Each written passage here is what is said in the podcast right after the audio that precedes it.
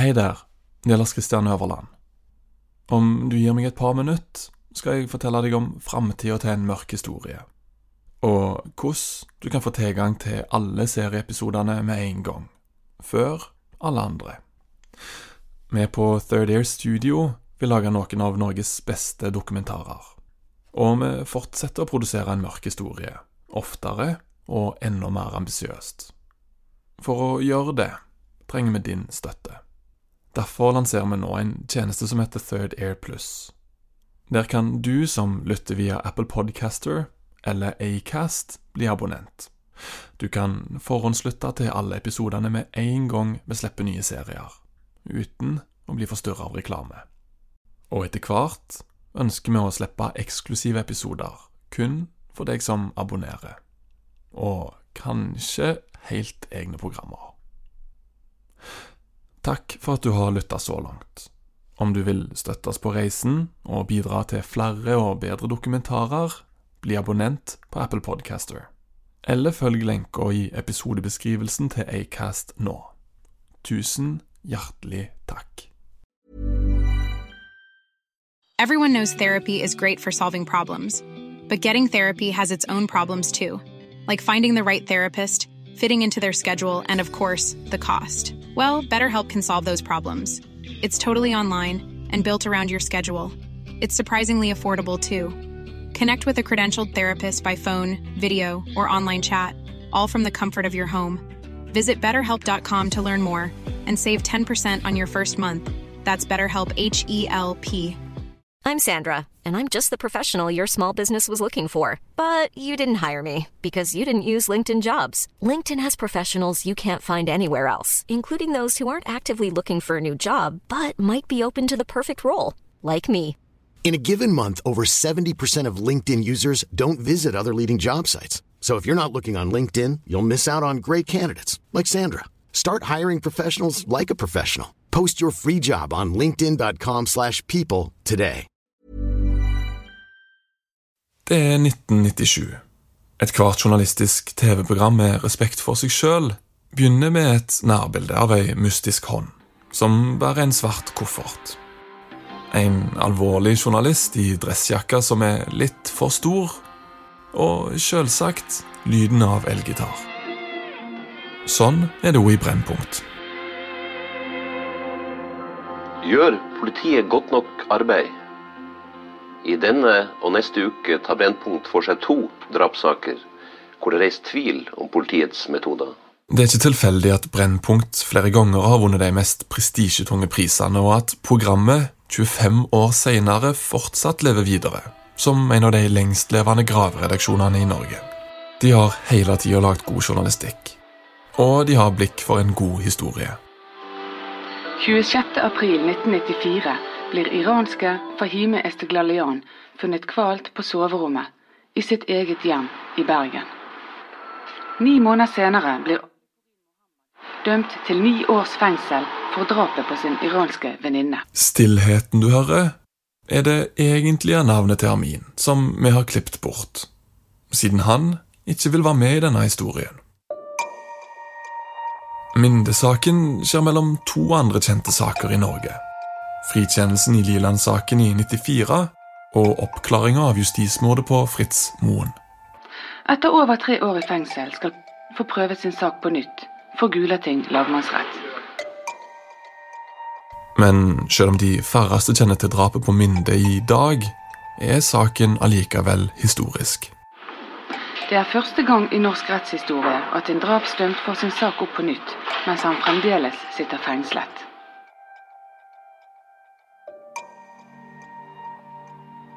En etterforskning, akkurat som et gravejournalistisk TV-program, en podkast eller en rettssak for den del, handler i bunn og grunn om én ting. Å finne brikkene av fakta som kan samles til en troverdig historie. Og den historien som Brennpunkt valgte å fortelle, var radikalt annerledes enn politiet versjon. Den du har hørt i de forrige episodene. Historien om en eiersjuk elsker som blir drapsmann når han blir avvist. Men hovedpersonen i Brennpunkt-dokumentaren er fortsatt Amin. Opptak av han er fra dokumentaren. Jeg vil være annerledes. Jeg har valgt å være annerledes. Jeg sier ikke jeg er bedre enn andre. Det er ikke det. Han dukker opp på skjermen i fengselet i Bergen med stort skjegg i Confucius-lignende stil, runde John Lennon-briller og et gråsprengt svart hår i en velstelt hestehale. Men denne gangen fikk han lov til å formulere en ganske annen rolle for seg sjøl. Jeg skal bli eh, korsfestet for at jeg er annerledes, da er jeg stolt av meg selv. Du hører på en mørk historie. Mindesaken episode 3. Drapssaken ble gjenopptatt. Mitt navn er Lars Christian Øverland.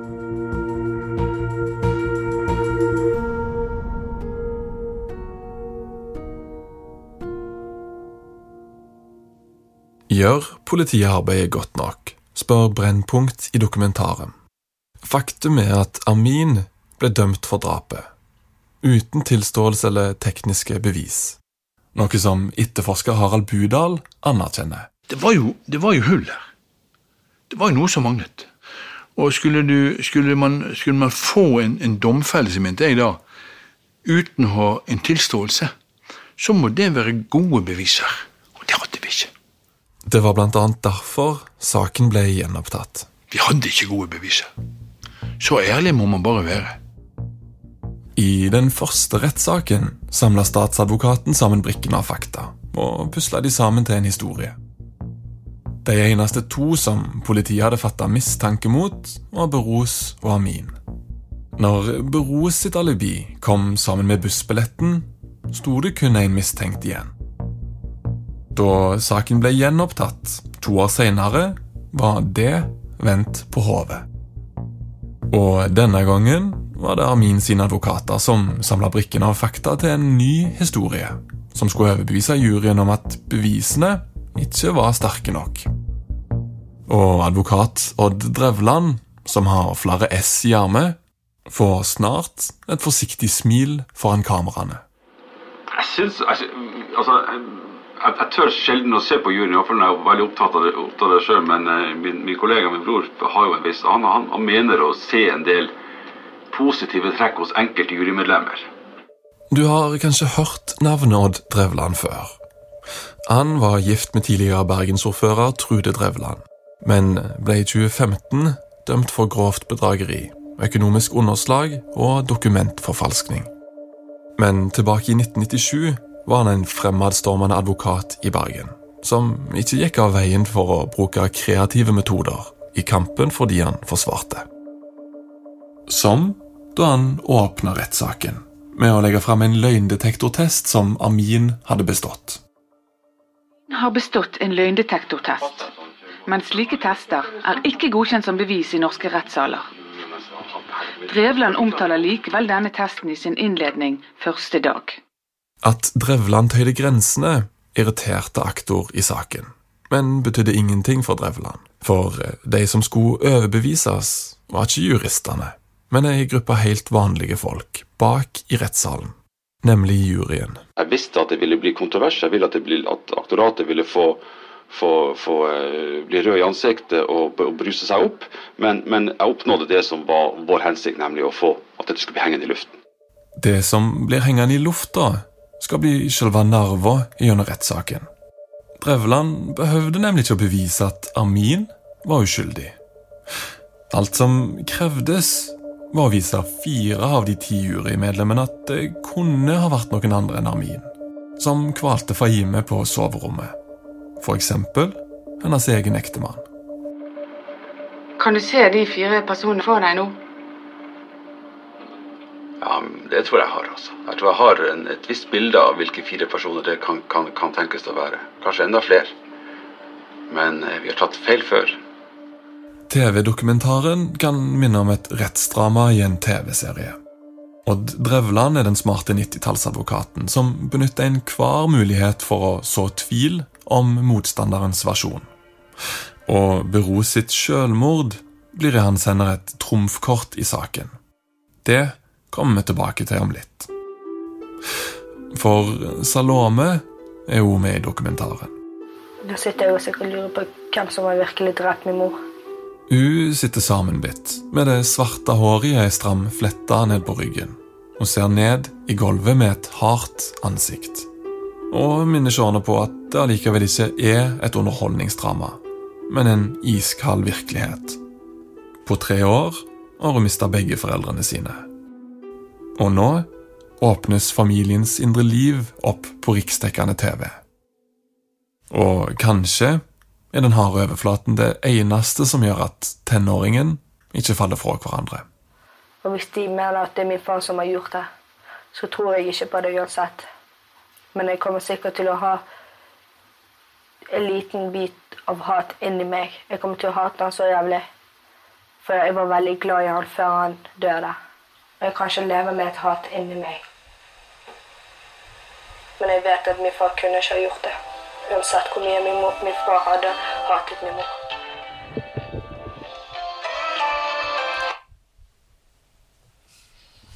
«24 år etter dokumentaren ble laga, sitter jeg i Salome sin svarte skinnsofa og trykker stopp på videoen. Nei Tenker Hatet var jo der òg. Og jeg har jo gått og båret på det hatet lenge. Og sitter nå 26 år og fortsatt ønsker det samme svaret som jeg ønsket da. Så ingenting er forandret, bare at jeg er blitt en del av eldre. Fra der jeg sitter i sofaen, ser det ikke ut som at alt er som før. Hardheten i ansiktet til 14-åringen er borte.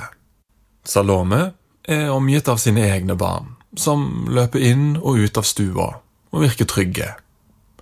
En sterk kontrast til Salomes egne tenner. Jeg følte ikke meg ønsket hjemme. Jeg følte at uh, hele tiden han prøvde å kvitte seg med meg. Uh, på selve julaften tok han kontakt med en kamerat og ba de komme og hente meg. Det var en chilensk familie. Og det syntes jeg var veldig rart. Uh, bursdagen min sluttet vi å feire.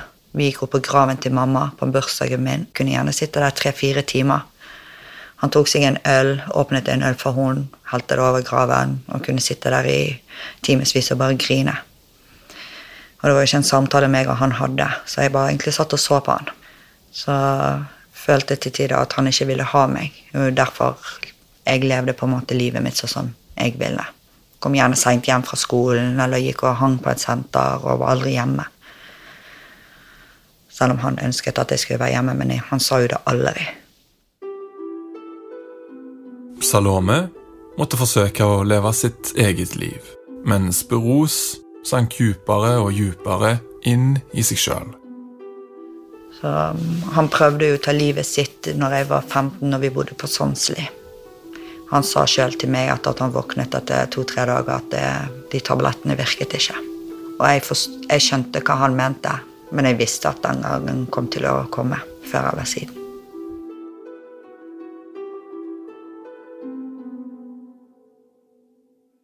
Mens Beros gikk i oppløsning, klarte ikke systemet å fange opp tenåringsjenta med det harde ansiktet. Det er det Bjørn Asle Nord har skrevet om i sin featureartikkel fra 2014 i Bergens Tidende. I arkivene fant han nå flere dokumenter, annet et papir som beskriver hvordan Salome havna på akuttmottak for unge. Men Salome ville hjem igjen etter en måneds tid. Barnevernstjenesten ville fortsette utredningen, men Salome hun var ikke motivert for å være der. Så derfor så var det umulig med en skikkelig utredning, fremgikk det den gangen.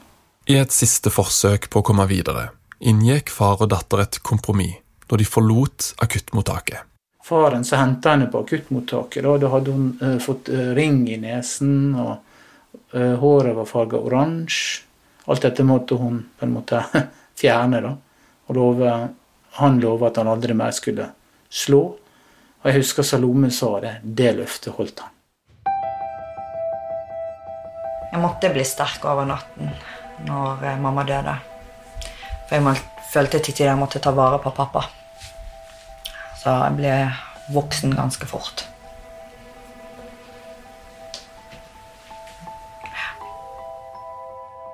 På Salome sin fødselsdag ble det et endelig brudd. Salome ville gå ut med sine venner, men Beros ville ikke la henne dra ut. Faren sa kontant nei og ga beskjed om at hun aldri trengte å vise seg mer dersom hun gikk ut. Så Rome pakka bagen, forlot leiligheten, og hun dro av gårde til kjøpesenteret for å henge med venner utenfor Vinmonopolet. Da kom faren, kom faren på krykker fra butikken. En mann hjalp ham med handlevognen. Så så han Salome og rista på hodet. Det var den siste hodet, det var siste kontakten de hadde. Jeg har ikke lenger noen datter, sa han til barnevernstjenesten på telefon. Nå kan det gå enten til himmel eller helvete for meg. Jeg tror det vil gå til helvete, sa han. Og noen uker seinere kom beslutninga fra Gulating lagmannsrett. Det er her nyheten om at saken skal gjenopptas, kommer til beros gjennom avisa. I en artikkel over ei dobbeltside på stovebordet, som Beros sitt hode hviler på, mens han tar sitt siste åndedrag. Om du vil lese mer om denne delen av livet til Salome, kan jeg anbefale Bjørn Asle Nord sin featureartikkel Den etterlatte, i Bergens Tidende. Det er vanskelig å fortelle denne delen av historien bedre. Mens begge foreldrene hennes har gått bort, står Salome nå helt alene, da saken igjen kommer for retten. Snart skal juryen felle dom. Spørsmålet er om forsvarerne denne gangen har klart å skape nok tvil hos juryen. Selvmordet var ikke bare en personlig tragedie for Salome. Det la seg som ei mørk sky over rettssaken. Hva var grunnen til at Beros tok livet sitt når saken skulle opp igjen? For advokat Odd Drevland ble det ei viktig brikke i historiefortellinga. Fra Brennpunkt-dokumentaren igjen. Ja, Den, den sakkyndige fra, fra den medisinsk sakkyndige Bernhard Olaisen han har vært meget, meget klar, eller uklar sagt, på dette med dødsfallstidspunktet, som har gjort at, at, at man åpenbart her har minst én mulig mistenkt til. Drevland behøvde ikke å overbevise juryen om at Beros hadde tatt livet sitt fordi det var han som hadde drept Fahime. Han skulle bare vise at det kunne være noen andre enn Amin som hadde gjort det, eksempel Beros. Og her hadde Drevland et trumfkort. En ny rettsmedisiner flytter dødstidspunktet fram en halvtime. Døden kan ha inntruffet et sted mellom klokken 12 og 15 denne korte uttalelsen fikk enorme betydninger. Som du kanskje husker, dro Beros hjemmefra ca. 12.30. Den første rettsmedisinske rapporten som politiet fikk, tar utgangspunkt i at Fahime døde rundt klokka 14.00. Den, sammen med bussbilletten, ble grunnen til at politiet droppa mistanken mot Beros. Han hadde jo da alibi. Men Hans, her er det. Her er den billetten. Den er brukt sånn og sånn. Klokkeslett og alt ifra det stoppesetet på Minde. Mens aktoratet kom til den andre rettssaken, med samme historie som første gang, kom Odd Drevland med nye brikker av fakta. Og når fakta blir stokka om, åpner det for en ny historie. Her er privatetterforsker Øyan Hesjedal om den nye rettsmedisinske rapporten.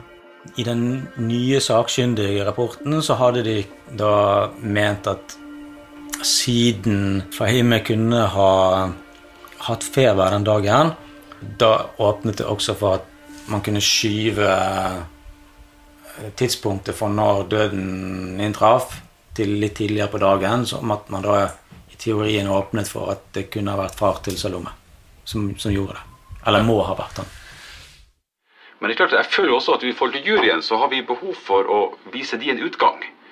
Altså At vi, at vi ikke, at ikke, bare si, at ikke bare får de til å si nei til men at de tenker seg at her er dog en annen mulig utgang. Når jeg leser gjennom akten i saken i dag, er det vanskelig å ikke beundre Drevland sin strategi i retten. Med å fjerne Buros sitt alibi sparker han noe bein under aktoratet sin fortelling og vender saken 180 grader. Politiet hadde gjennom etterforskningen kun hatt to personer i kikkerten. Og hadde ikke sett mer på byrået sitt alibi etter den første rapporten av bussbilletten. Saken mot Amin var bygga på indisier. En fyr på en sykkel, med gult bukkastyre i regnet, og et mulig motiv om en avvist elsker. Dette er de indisiene som han mener kan eh, knytte han opp mot drapet. Beros ble funnet med oppslag i Bergensavisa om gjenåpning av saken foran seg. Det er nesten umulig å forestille seg at en sånn scene ikke gjorde inntrykk på juryen. Akkurat som den uoffisielle løgndetektortesten som Drevland hadde fått Amin til å ta. På mer enn 20 års avstand kan en se hvor smart Drevland jobba for sin klient. Han testa grensen i retten, men han hadde også et viktig poeng. Bevisene var ikke gode, og dag for dag smuldra de opp i retten. Jo visst var det vitner som hadde sett Amin på sykkel i regnet rundt Minde i tida rundt drapet. Men som Drevland sjøl påpeker Men ingen av disse har jo, har jo sett ham på drapsstedet. Nå skulle de ti jurymedlemmene trekke seg tilbake og avgjøre hvem som hadde spilt ut faktabrikkene til den mest troverdige historien. For Drevland er det nå den nervepirrende ventetida begynner. Jeg tar et par valium og så prøver å slappe av litt.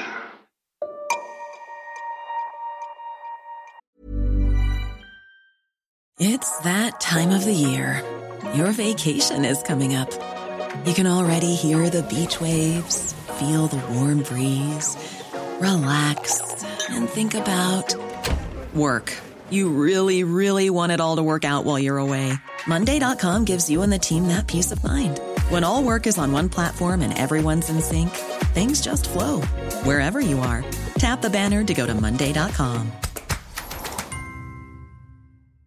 When you're ready to pop the question, the last thing you want to do is second guess the ring. At Bluenile.com, you can design a one of a kind ring with the ease and convenience of shopping online. Choose your diamond and setting. When you find the one, you'll get it delivered right to your door. Go to Bluenile.com and use promo code LISTEN to get $50 off your purchase of $500 or more. That's code LISTEN at Bluenile.com for $50 off your purchase.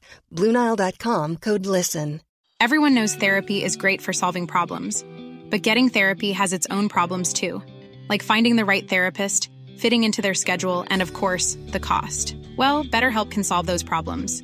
It's totally online and built around your schedule. It's surprisingly affordable too. Connect with a credentialed therapist by phone, video, or online chat, all from the comfort of your home. Visit betterhelp.com to learn more and save 10% on your first month. That's BetterHelp H E L P.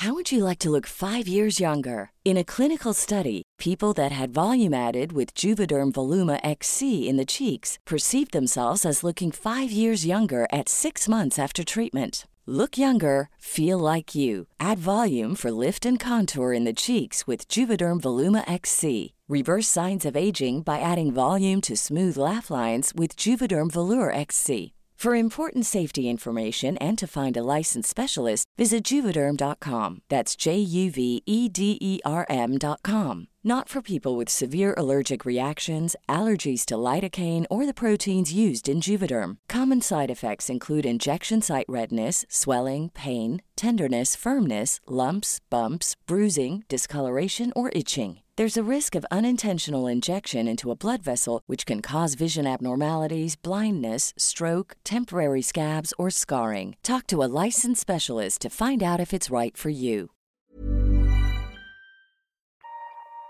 Fire timers pinefull venting er over.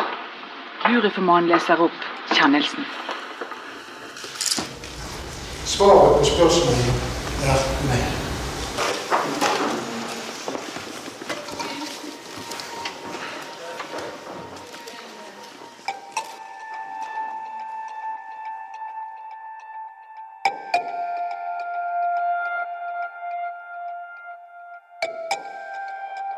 Det var selvsagt en letta Armin, som etter tre år var blitt en fri mann.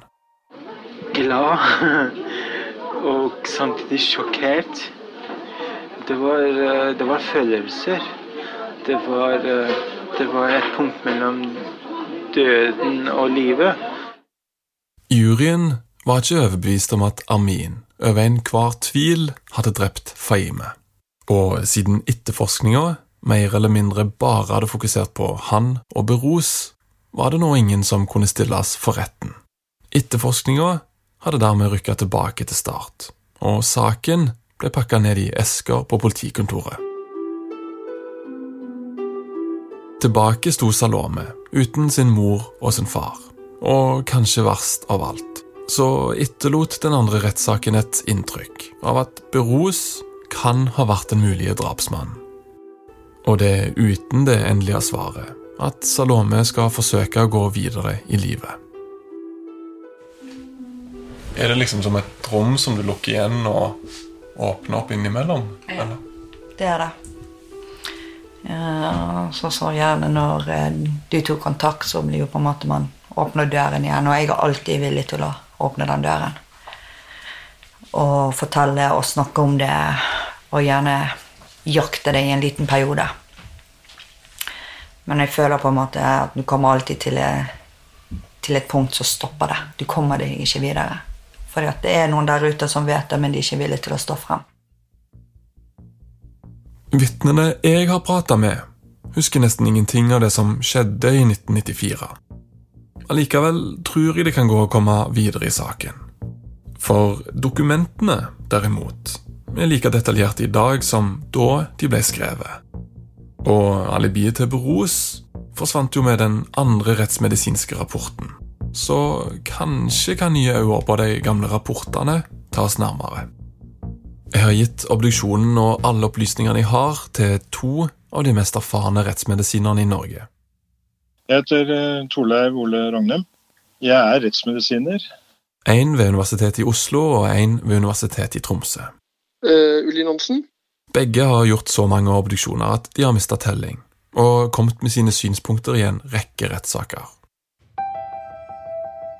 Det er kroppstemperaturen og hvordan den synker etter døden, som er den viktigste faktoren de bruker for å finne tidspunktet for drapet.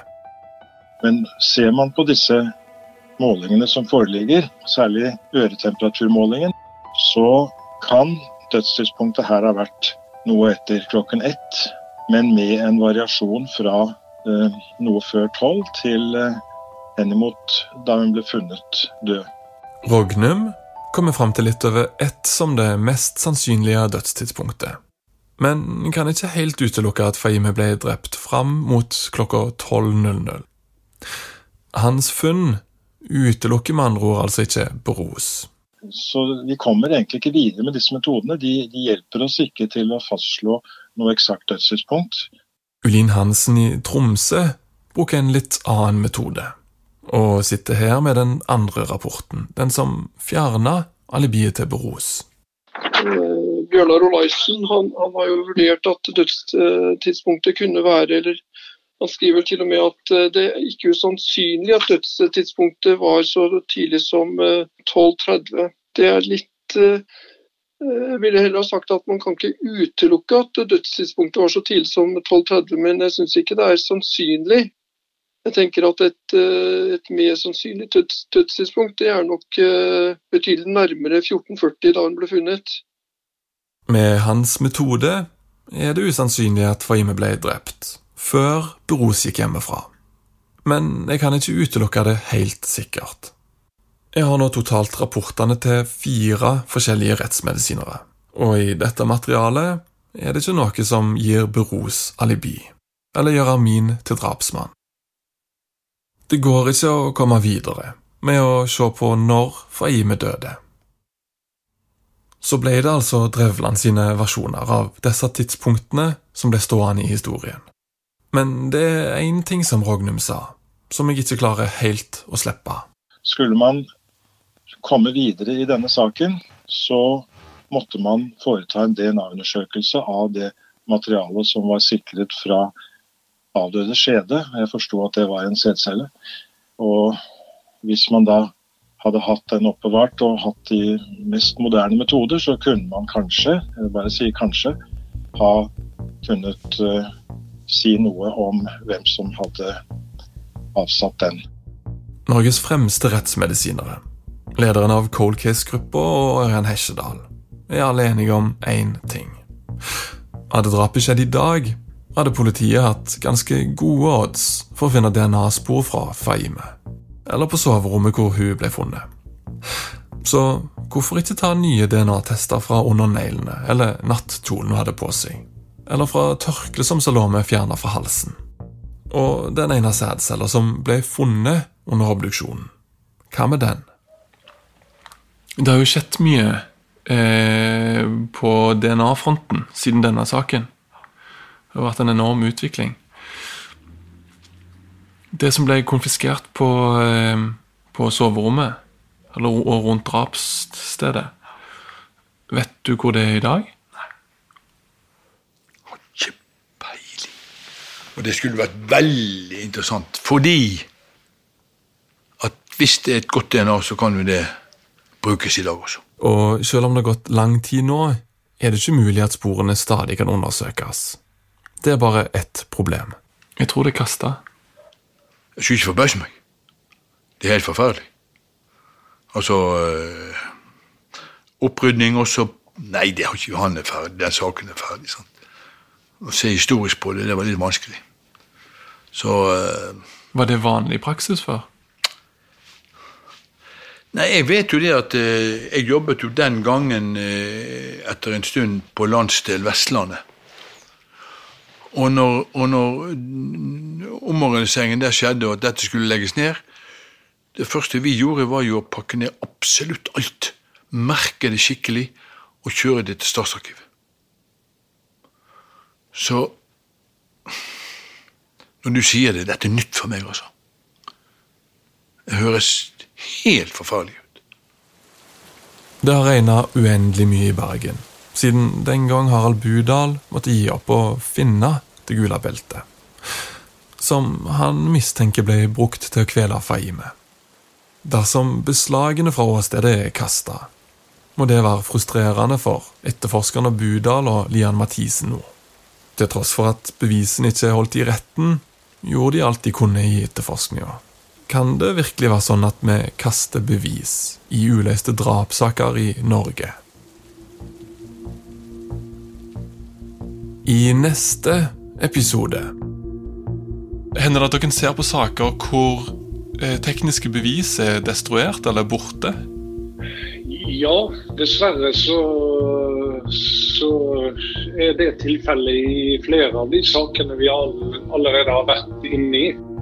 Nei, altså det der er vel eh, Den korte, korte versjonen er vel at det ikke er spesielle regler om dette, så ja, så, sånn er det. Det er litt sånn slendrian at ikke det blir gjort. Jeg tenker at jeg angrer at det har gått så lenge og trodde at det var pappa.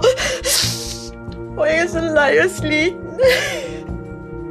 Jeg tenker at ting er så urettferdig.